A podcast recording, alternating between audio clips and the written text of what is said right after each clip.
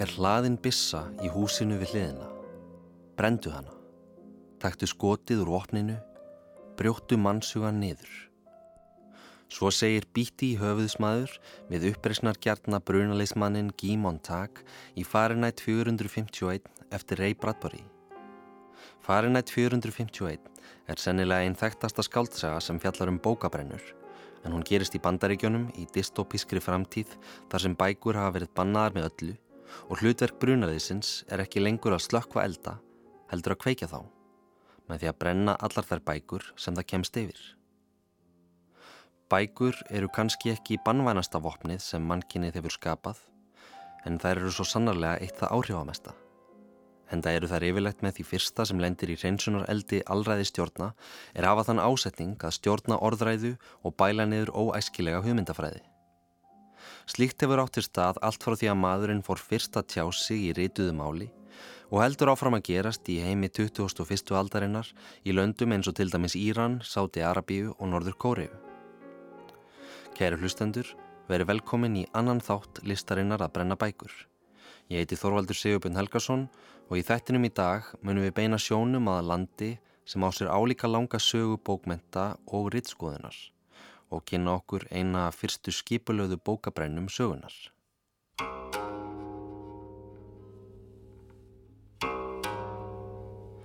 Árið er 213 fyrir Krist. 30. og 4. valda ár Qin Shi Huangdi, konungs Qin ríkisins og fyrsta keisara saminast Kína.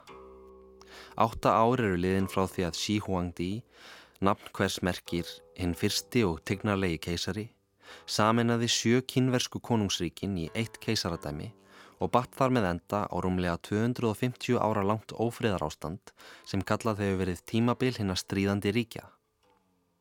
Konungsríkin Han, Xiao, Wei, Zhu, Yan og Qi fjallu eitt af öðru þar til þið Sigurdsæla Kín stóð eftir sem drottnari saminnaðs Kína.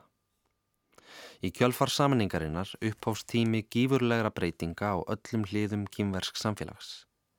Ný lög voru sett í landinu, grunnur var læður á samræmdu rítmáli og umfangsmiklu vegakerfi, auk þessum keisarin hóf uppbyggingu á múr sem átti að tegja sig yfir gjörvalt ríki hans og vernda það fyrir innrásaliðum. Forveri hins sögufræga Kínamúrs. Við erum stötti í keisarahöllinni Xinjiang, höfðustað kínveldisins, hvar Xi Huangdi keisari hefur bóðið 70 tegnarmönnum úr akademíu sinni til vestlu. Vínið flæðir og tegnarmenninir keppast við að auðsa lovorðum yfir keisaran og óska honum langlífis. Eitt þeirra, bófimimeistarinn Xu Qingchen, stýgur fram og tekur til orðs svo allir viðstattir heyra. Hér áður fyrr náði yfiráðasvæði kinnríkisins ekki lengra en þúsund lí. En yðar háttegn þökk sé andlegum mætti og upplýstri visku yðar hefur friðþægt allt á milli hafana og úthýst mann og jí barburunum. Hvar sem sól og máni skína finnst nú ekki svo sála sem sínir ekki undirgefni. Umdæmi lénsherrana hafa verið endurskipulögð sem héröð og hreppar. Hver einasta manneskja upplifir kvíld og hamingju, laus undan hernaðar ógninni. Blessun sem hún veitast næstu tíu þúsund kynnslóðum. Allt frá því á efstu fornöld hefur ekkert jafnast á við mátt og dýrð yðar hátegnar. Keisarin verðist sáttur með skjallið og bófimumestarin Sjú stýgur tilbaka með bros á vör. Sáttur við að hafa komið sér í mjúkin hjá hennum stránga og alvöru gefna keisara. Annar tegnarmadur stýgur fram. Maður frá Kýríkinu að nafni Chunyu Yu en orðans eru ekki að blofsamleg. Chunyu ásakar keisaran um að tryggja ekki stöðu sína nógu vel með stuðningi ættmenna og nánustu ráþeira sinna. Keisarin hefur nýlega afnumið lénskipulæð og því eru allir í hans instarring án léna og tæknilega séð aðeins almúamenn. Ef til innrásar í kynveldið kæmi, þá myndi keisarin vera á flæði skýri stattur. Hver myndi þá bjarga honum? Junyu Yu líkur orðum sínum á viðvörun. Ég hef aldrei heyrt um neitt framtak sem hafi sér ekki til fordæmis reynslu fortíðarinnar en náði samt sem áður að þrauka til langs tíma. og með því að smjæðra fram í þig er Su King Chen aðeins að undistrykka mistök yðar hátegnar. Hann er engin hollur þegn. Þögn slægir á alla viðstata.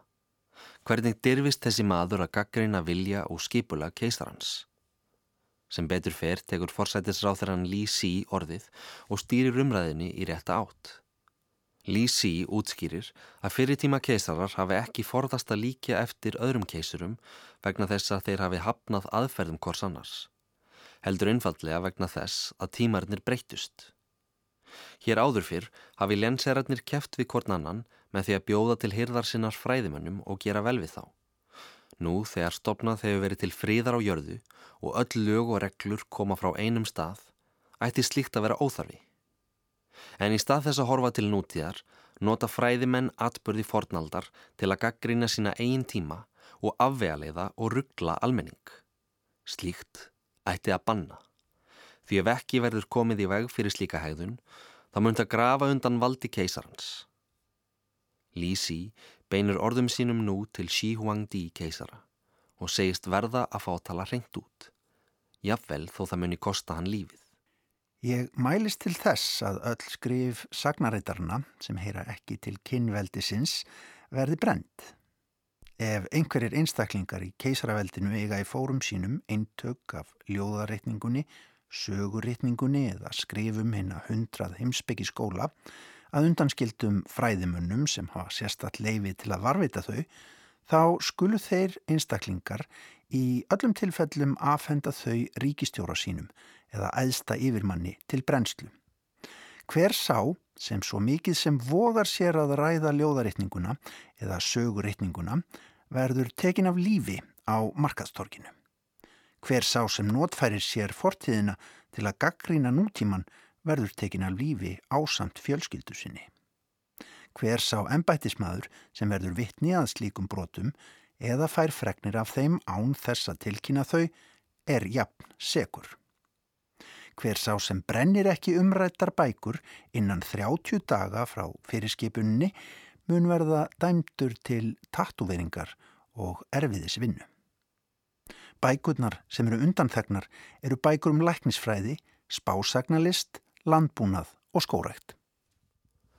Við vitum ekkert um það hvernig tegnarmennir í vestlunni í keisarahöllinni bröðust við tillögu Lísi en hún hefur þó eflaust komið flestum viðstöðum í opna skjöldu.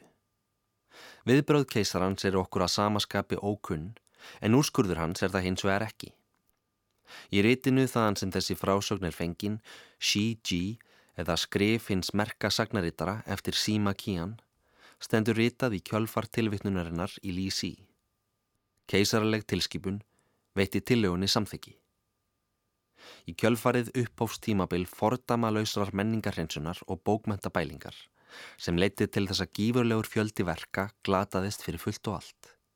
Þar með talið Ímis Merkrít um sögu og heimsbyggi sem tilheru þeim ótalmörgu fræðastefnum sem blómstrað höfðu í Kína allt frá því á sjöttu öld fyrir Krist og voru þekktar undir nafninu hinnir hundrað heimsbyggiskólar. Fjöldi fólks var tekið af lífi fyrir það eitt að reyna að varveita þessi verk og í eitt skipti voru til að mynda 460 fræðimenn grafnir lifandi fyrir þá sög að ganga á bak orðum keisarans. Eða svo vilja allavega setni tíma heimildir meina.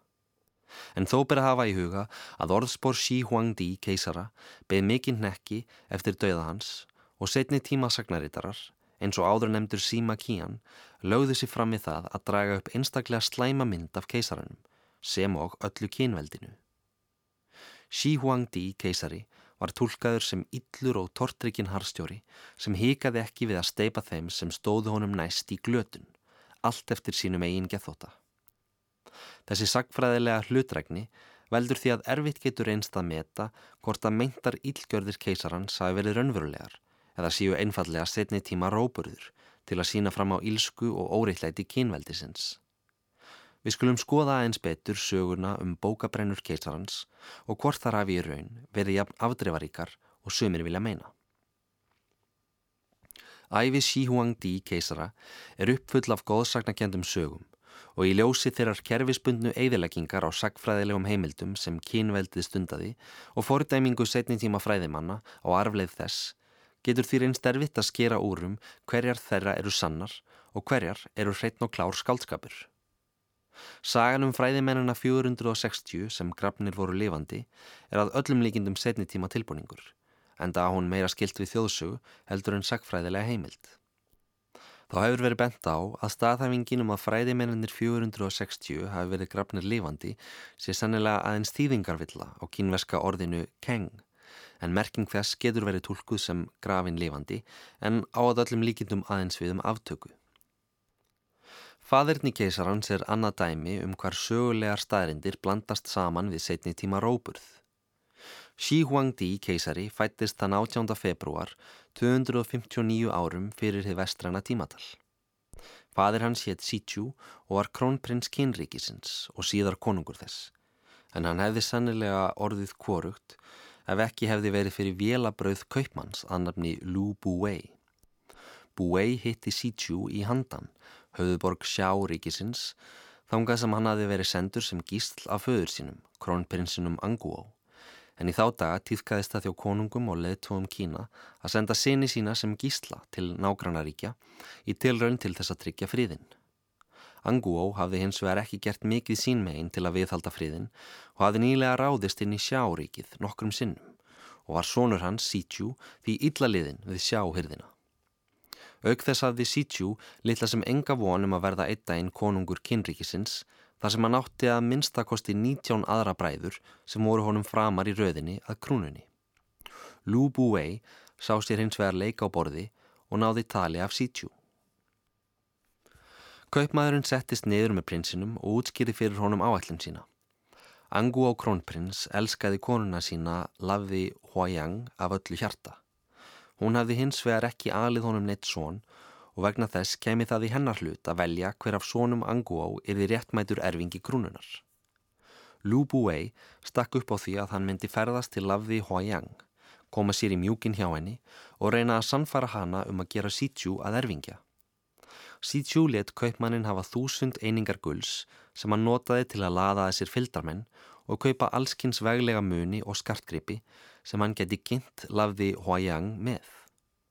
Áætlun Liu Buwei hefnaðist.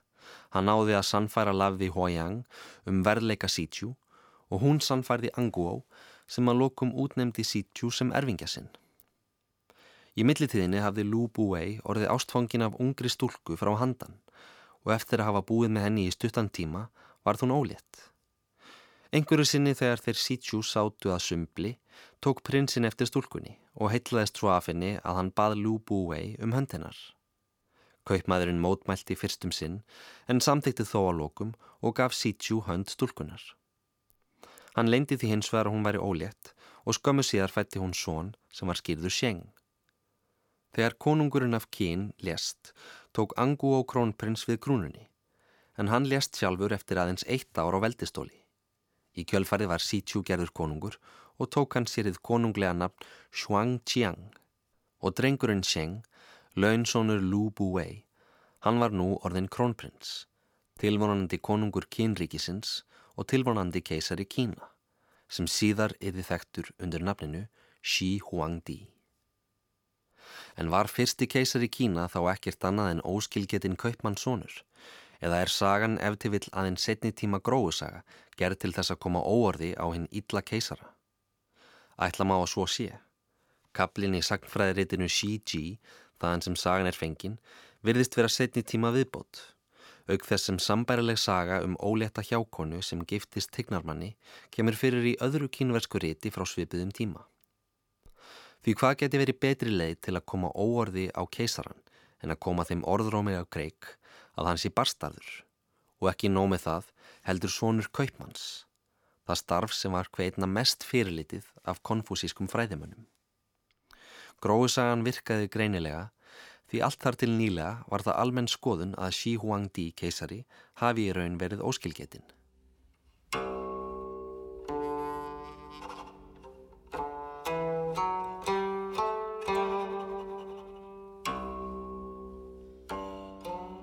En aftur að bókabrennunum. Hvaða bækur voru það sem hann Lísi let brenna og hvaða þekking var það sem glataðist með upprætingu hinn að hundrað heimsbyggiskóla? Í fyrsta lagi skulum við byrja á að skoða hvernig hugtakið bók var skilgreint í Kína á tímum kynveldisins. Það gefur auga leið að bækurnar sem brendar voru af bókaböðlum keisarans voru ekki þær pappírskiljur og doðrandar sem við erum vön í dag. Þar sem pappír var þarna enn ekki komin til sögunar. Pappír skerð á vissulega uppruna sinna reykja til Kína en það var ekki fyrir ná annari öld eftir Krist á tímum hanveldisins sem enn byrjuð að gera tilraunir með slíkt. Fyrir uppgötun pappírs voru bambus og viður algengustu rittföngin en silki þekktist einnig og var notað í tæp þúsund ár þó það væri vissulega ákveðin munaður. Samkvæmt franska sagfræðingnum Lucien Polastrón í riti hans Books on Fire voru tekstar sem töldu færi en hundrað orð skrifaðir á viðarplötur sem köllust fang. Á meðan tekstar yfir hundrað orð voru skrifaðir á þunnar bambusræmur sem pakka var saman í knippi sem kölluðust só. Bambusræmurnar voru um það byrj 50 cm að lengt og inniheldu um 60 stafi í einum dálki. Á meðan viðarplötunar gáttu innihaldið nokkra línur. Ræmurnar voru bundnar saman eins og rimlatjöld svo hægt var að rúla þeim upp í eins konar bókrollur sem kallaðar voru Juan. Hvert og eitt verk að hins vegar innihaldið mörg Juan sem veldur því að erfitt getur einst að meta stærð bókasafna frá þessum tíma og þá sérstaklega þann fjölda titla sem þau inniheldu, sem er sama vandamál og við rákumst á í síðasta þætti í umfylluninni um bókasafnið í Aleksandríu, en þar var grunn eining bóka papírusrótlan. Bambusaðferðin var nótuð í Kína allt fram á þriðju öld fyrir Krist og því er sennilegt að flestar þær bækur sem lendu í hreinsunar eldi Xi Huangdi keisara hafi verið að svipuðum toga. Þá að innihaldi bókana. Eins og kom fram hér áðan þá beindist hreinsunar eldur keisarans aðalega að eldri sagfræðiritum og konfúsískum fræðiritum sem tilherðu fræðastefnum hinn að hundrað heimsbyggiskóla. Við skulum skoða þessi hugtöku aðeins nánar. Konfúsismi er einn áhrifamesta heimsbyggistefna Asíu og var ofinberð hugmyndafræði Kína í yfir 2000 ár. Hún byggir á kenningum fræðimannsins Kon-Kjú sem kallaður var Konfúsius og fættist í Lúhjæraði á austurströnd Kína um 551 fyrir Krist. Konfúsius ólst upp við mikla fátækt. Fadir hans lést þegar hann var aðeins fjögur ára gamal og þurfti hann því að vinna allskins erfiðistörf á sínum yngri árum til að sjá fyrir sér og fjölskyldu sinni. Hann náði þó að brjótast til menta og eitti fullonisárum sínum í að þróa þá heimsbyggistöfnu sem kendir við nafnans. Konfúsíus var eitt fyrsti maðurinn í Kína sem hafði ofana fyrir sér með kennslu og er því kallaður fyrsti kennarin. Hann dróða sér fjölda lærisveina er námus beki hans og segir Sima Kían þá hafa verið alls þrjú þúsund en nefnir þó ekki sjálfur nema 77 með nafni. Konfúsíus eitti mörgum árum í að ferðast um Kína og reyna að sannfæra ímsa valdhafa um að fylgja speki sinni, en náði litlum árangri meðan hann livði og það var ekki fyrir en eftir dauða hans sem konfúsísk hugmyndafræði var skráða bók af lærisvinnum hans og fór í kjölfarið að njóta virðingar í kínversku samfélagi. Í umfjöldun á vísendavefnum gefur Geir Sigursson, heimsbyggingur og prófessor í kínverskum fræðum við Háskóla Íslands, eftirfarandi lýsingu á heimsbyggi konfúsismans. Í örstuttu og ofur einfölduðu máli snýst konfúsísk heimsbyggi um að tilenga sér siði og hefðir sem ríkt hafa í Kína frá og með sjúveldinu en laga þau að breyttum aðstæðum. Konfúsius sagði sjálfur að viska fælist í því að færa fram hið nýja á grundvelli hins gamla. Í þessu fælst mikil og sterk fjölskylduhefð og krafa um virðingu hinna yngri og óreindu gagvart hinnum eldri og lífsreindari. Hinnum yngri er ætlað að taka sér eldra fólk til fyrirmyndar en um leið tjá reynslu þess í framkvæmt með persónulegum hætti í ljósi ríkjandi aðstæðina. Þannig er gífurleg áhersla lögð á lærdóm og námsfísi. Ekki er vita til þess að Konfúsius hafi sjálfur samin einar bækur en hann vísaði oft í bækur sem kallaðar eru rítningarnar 5 og eru taldar til höfðurita konfúsismans. Þetta eru verkin I Ching eða bók verðandinar sem fjallar um spádóma, Li Chi eða siðabókin sem fjallar um mannasiði og helgiatafnir, Chung Qiu eða bók Vors og Hausts sem rekur sögu lúkjærasins frá 722 fyrir Krist til tíma konfúsíusar Xu Qing eða söguritningin sem er samansamt gamalla skjala og ræða frá stjórnmálamönnum og að lokum Xi Qing eða ljóðaritningin sem er samansamt 305 ljóða. Síðast nefndu tvær bækurnar eru meðal þeirra rita sem Konfúsíus vitnaði hvað mest í sjálfur og eru jafnframt þau rit sem forsættisráð þeirran Lísi kallaði sérstaklega eftir því að þeirðu brend. Sem betur fer náðu bókaböðlar kynveldisins þó ekki að útrýma þessum verkum að öllu leiti en allar fimm rítningarnar varðvettust að einhverju leiti í gegnum aldinnar. Við skulum heyra eitt ljóð úr ljóðareitningunni í íslenskri þýðingu Haldur B. Björnsson sem byrtist í tímaritinu Melgorku árið 1959. Aldarháttur.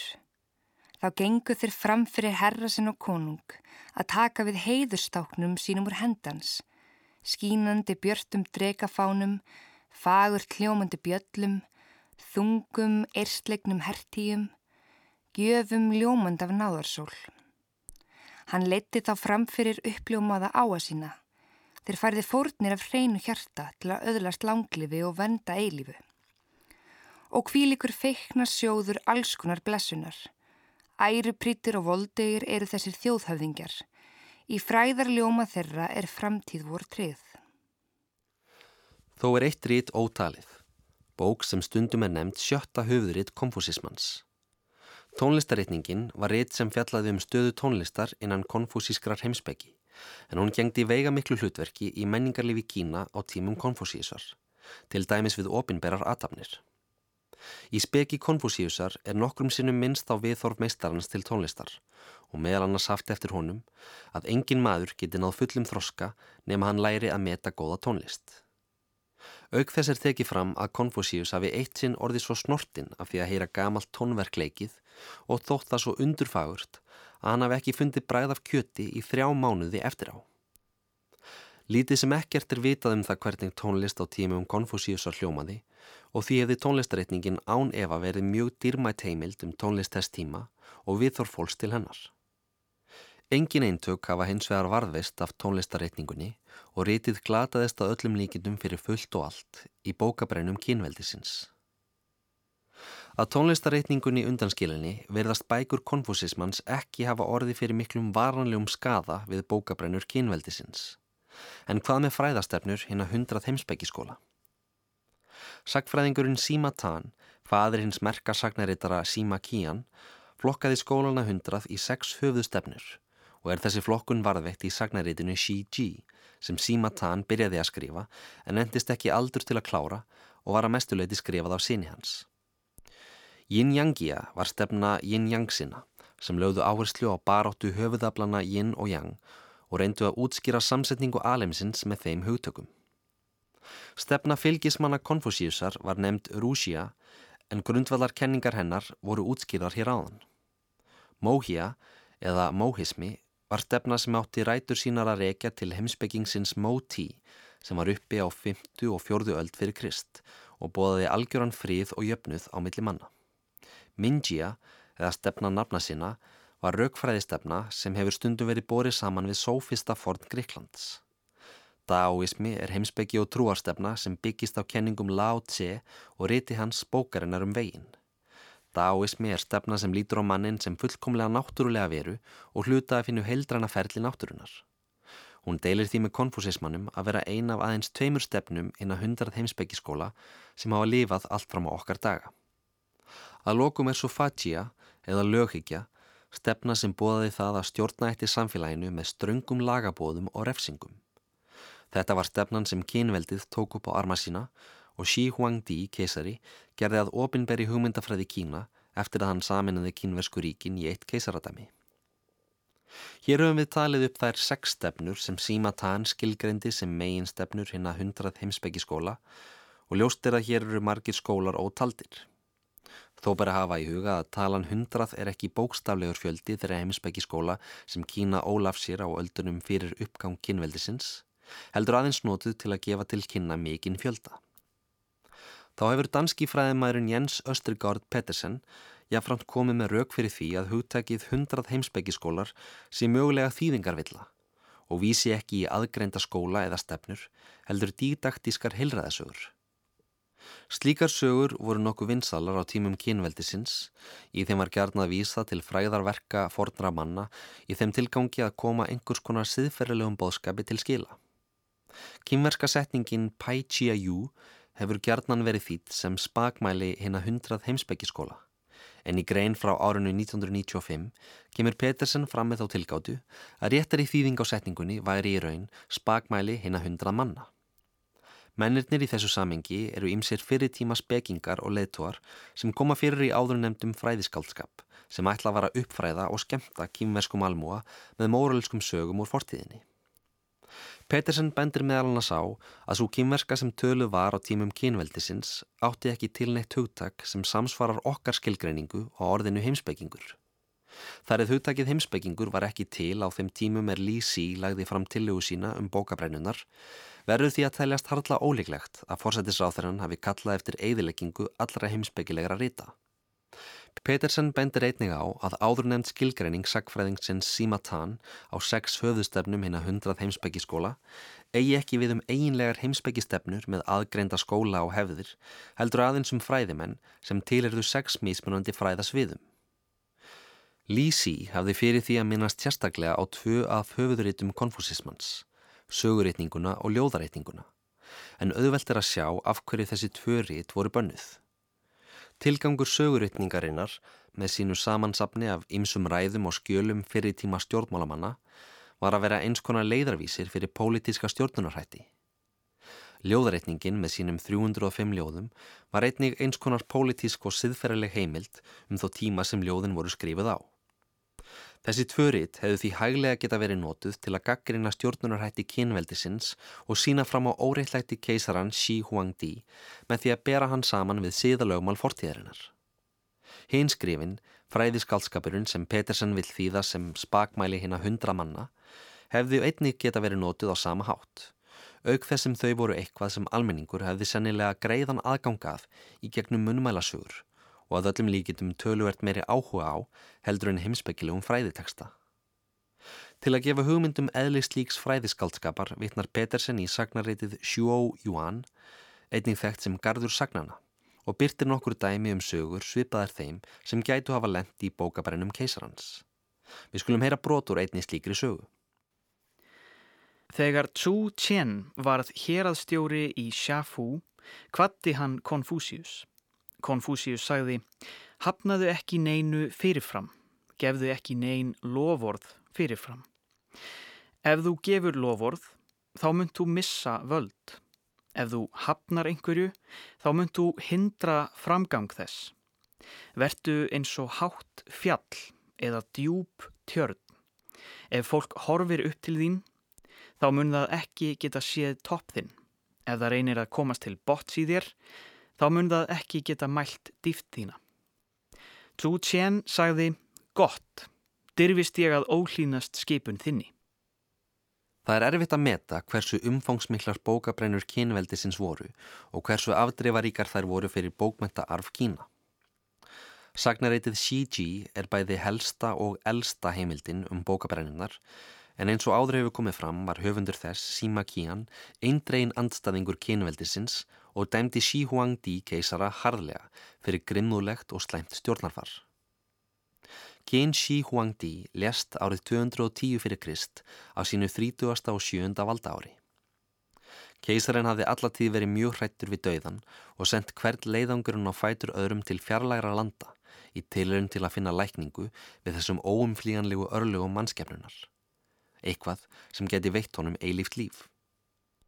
En allt kom fyrir ekki og Xi Huangdi, fyrsti keisari Kína, lest hann 10. september árið 210 fyrir Krist, 49 ára að aldri.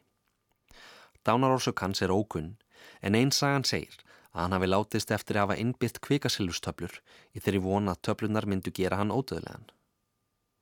Keisarin lest fyrir utan höfuborgina og var fregninni af dauða hans haldi leindri fyrstum sinn, vegna þess að forsættisráðurann Lísi ótaðist að ef hinnir prinsarnir og stuðningsmenn þeirra fréttu af dauða keisarans myndu þeir stopna til uppreysnar. Lísi og nánustu ráðurar Xi Huangdi letu því eins og ekkert væri og ógum með líkistu keisarans í lokuðum vagnni alla leið til höfuborgarinnar, leið sem tókum tvo mánuði að ferðast. Við hvern áningarstað letu þeir senda mat í vagnin og ennbætismenn komu til að bera ímismál undir keisaran sem ráðferðarnir samþyktu í hans nafni. Heitt var í veðri og brátt fór lík keisarans að lykta nokkuð ítla. svo ráðherrarnir letur hlaðavagnin með farmi af þurkuðum fiski til að fela nálíktina. Þegar þeir komist svo loks til Xinjiang var tilkynnt um lát keisarans og opinberu sorgartímabili lísti yfir í Kína. Prins Hai, sonur Xi Huangdi, tók við krúnunni sem annar keisari kínveldisins og fadir hans var grafin við rætur Lífjáls í gríðarstóru grafísi sem hafi verið í byggingu allt frá því hann tók við krúnunni 36 árum áður. Sima Kían lýsir byggingu grafísi sinn svo. Þegar keisarin komst fyrst til valda byrjaði hann að grafa og móta Lífjall. Síðar, þegar hann saminnaði keisaraveldið, let hann senda 700.000 menn til fjallsins viðsvegar aður keisaradaminu. Þeir grófu niður á þriðja lag neðanjarðar uppspretta og heldu inn bráðnu bronsi til að gera ytri kistuna. Eftirlíkingar Halla, landslagsturna og hundrað embættismanna á samt sjálfgæfum áhöldum og dásamlegum munum voru fenginn til að fylla gröfina.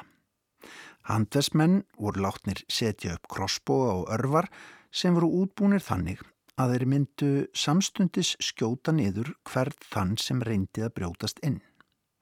Kvikasilfur var notað til að móta eftirlíkingar af hundrað ánum, gulafljóti, jangtse og höfnunum, svo þau virtust flæða. Að ofan voru eftirmyndir allra heimintunglana og að neðan öll enkenni jarðarinnar. Eftir að grafísið var fullbyggt voru verkamennir sem unni við framkvæmtina lokaðir inn í lifandi svo þeir myndu ekki ljóstra upp um staðsendingu þess. Grafísið uppgötaðist ekki aftur fyrir árið 1974, dæpum 2200 árum síðar. Þegar sex bræður voru að grafa fyrir brunni í skólendi nálegt þorpinu Xiyang. Bræðurnir grófu upp brot af terrakottaleir, nokkra múrsteina og örvaróta úr bronsi sem þeir seldu fyrir litla uppæð. En mennitin áttuðu sér ekki á því fyrir en setna að þeir eruðu óavitandi gert stærstu fordleifa uppgötun í sögu Kína og endur uppgötað grafísi fyrsta keisara landsins. Uppgröftur á grafísinu hefur staðið yfir allar götur síðan og meðal þeirra ómetanlegu muna sem hafa uppgötast þar eru rúmlega 8000 leirhermenn í fullri stærð sem fengur sæti á heimsminjaskrá UNESCO árið 1987. Sjálf keisaragröfin er enn innsikluð og uppgrefturinn um engan veginn lokið þrátt fyrir að hafa staðið yfir í rúma fjóra áratví en það er talið að hildarsvæði grafísisins þekki alltaf 98 ferkilometra. Sagan af grafísi Xi Huangdi og endur uppgötun þess árið 1974 er ánefa efni í heilan þátt útaf fyrir sig, en henni verið þó ekki gerð ítalegri skil hér. Viðþóruði gagvert Xi Huangdi keisara hefur mildast töluvert í gegnum árin og bent hefur verið á ímis jákvæð áhrif stjórnartíðar hans, svo sem saminningu Kína í eitt ríki og samræmingu rítmálsins. Fyrsta keisarans verður þó seint minnst sem réttlátum leðtúa sem sveiðist eftir vilja fólksins líkt og grasið í vindinum, eins og Konfúsíus orðaði það. Xi Huangdi var ósveganlegur og stórhuga leðtói sem áttaði sig á því mótandi afli sem saga og bókmentir hafa á sjálfsmynd ríkis og þjóðar. Í stað þess að nýta sér söguna sem mælistyku fyrir gjörðir sínar ákvað Xi Huangdi að beigja söguna eftir sínum eigin vilja. Með því var fyrsti keisarin einnig að fyrsta manninum. Að þessu leiti er Xi Huangdi keisari eins konar andlegur forveri þeirra fjölmörgu innræðisera 20. aldarinnar sem töldu sjálfa sig marka nýtt upphaf sögunar og reyndu að þurka út fortíðina. En þeir sem hunsa reynslu fortíðarinnar eiga á hættu að misrekna alvarlega framtíðina og einræðisarar eiga það gerðan til að vera óþarflega bjart sínir á varanleika ríkja sinna. Þannig kallaði Hitler Þískaland þúsund ára ríkið og Xi Huangdi keisari spáði því að kynættin myndi ríkja í Kína næstu tíu þúsund kynnslóðir. Þúsund ára ríki Hitlers endist hins vegar aðeins í tólf ár og kynveldið liðaðist í sundur eftir 14 ár og tvær kynnslóðir keisara. Eitt af síðustu verkefnum Xi Huangdi á valdastóli var að byggja viðfæðmann múr sem að sögn Sima Qian tegði sig yfir keisaraveldið um 5.000 km leið. Þessi múr, sem þrátt fyrir að vera ekkit sérlega tilkomi mikill á setni tíma mælikvarða, átti eftir að verða fyrirmynd múrsins sem í dag er ánefa þekktasta kennileiti Kína, sjálfur Kínamúrin. Hér í listinni að brenna bækur höfum við áður vitnað í argentinska rithöfundin Jorge Luis Borges, en árið 1952 byrtist essaya eftir hann um Xi Huangdi keisara sem nefnist Múrin og bækurnar. Við skulum heyra brot úr essayu Borgesar sem byrtist í íslenskri þýðingu Sigfúsar Bjartmarssonar í smásagnasafninu Blegspeilin árið 1990. Vera má að Múrin hafi verið myndlíking. Vera má að Xi Huangdi hafi dæmt þá sem dyrkuðu fortíðina til verks sem var jafn ógnar langt, jafn mikið um sig og jafn gagslust og fortíðin sjálf. Vera má að múrin hafi verið áskorun og Xi Huangdi hafi hugsað sem svo.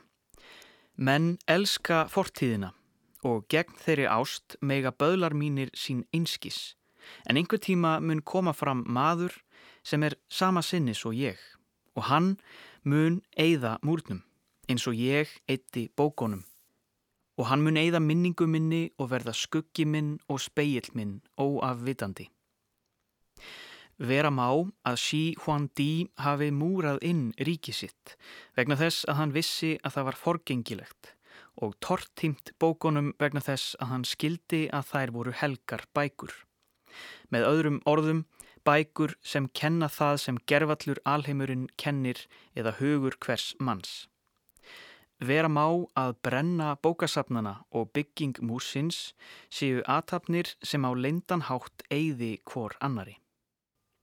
Madurinn sem Borges í gegnum rödd Xi Huangdi spáir fyrirum steg fram á sjónarsviðið tæpum 22 öldum eftir valdarskeið fyrsta keisarhans. Árið 1952, þegar essaya Borgesar kom fyrst út, hafði þessi maður raunar verið leitu í Kína í þrjú ár. Í þetta sinn var landinu þó ekki stjórnað sem keisaraveldi, heldur sem alltíðu líðveldi. Mao Zedong eitti kannski ekki Kínamórnum, en hann er þó án evas á kínverski leitói sem kemst næst því að vera andlegur arftæki Xi Huangdi.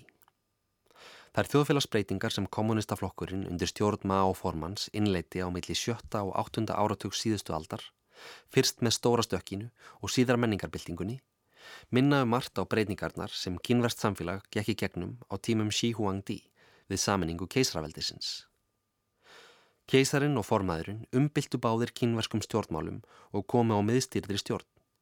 Báðir endurskipulöðu þeirra efnahægin í landinu með afdrifaríkum afleðingum fyrir þegnana og báðir beindu þeir sérstaklega spjótum sínum að menningu og sögu Kína og híkuðu ekki við að brenna bækur sem stönguðust á við þeirra hugmyndafræði. Formaðurinn horfið til fyrsta keisaran sem fyrirmyndar og híkaði ekki við að bera gjörði þeirra begja saman.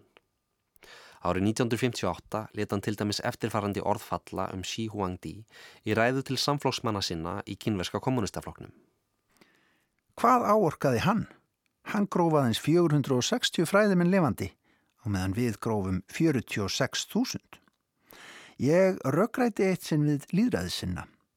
Þið ásækið okkur um að hegða okkur eins og Qin Shi Huang en ykkur skjáttlast við toppum hann sinnum hundrað. Þið ávitið okkur um að fara að fordæmi Qin Shi Huang við að knýja fram innræði. Við göngumst við því öllu. Þrátt fyrir að kynveldið sé skamlífasta konungsættin í sögu Kína með aðeins tvo keisara og ríki sem endist í 14 ár, þá gætir áhrifa þess enn á ýmsum sviðum. Ekki síst í nafni landsins sem Xi Huangdi saminaði í eitt keisaraveldi, Kína. Kínverski kommunistaflokkurinn hefur hins vegar verið töluvert langlífari og hefur nú stjórnað landinu samfleitt í 70 ár. Qin Shi Huangdi, fyrsti keisari kínverska keisaraveldisins og Mao Zedong, formaður alþýðu lífveldisins Kína, voru tver menn sem reyndu hvor á sinn hátt að beigja örlög og sögu heillar þjóðar undir vilja sinn. Í dag eru grafísittira, annars vegar í Lintong og hins vegar á torki hins himneska friðar, tver af vinsalistu ferðamannastuðum Kína. Geisarinn og formaðurinn reyndu að egna sér söguna, en þegar allt kom til alls var það sagan sem egnaði sér þá.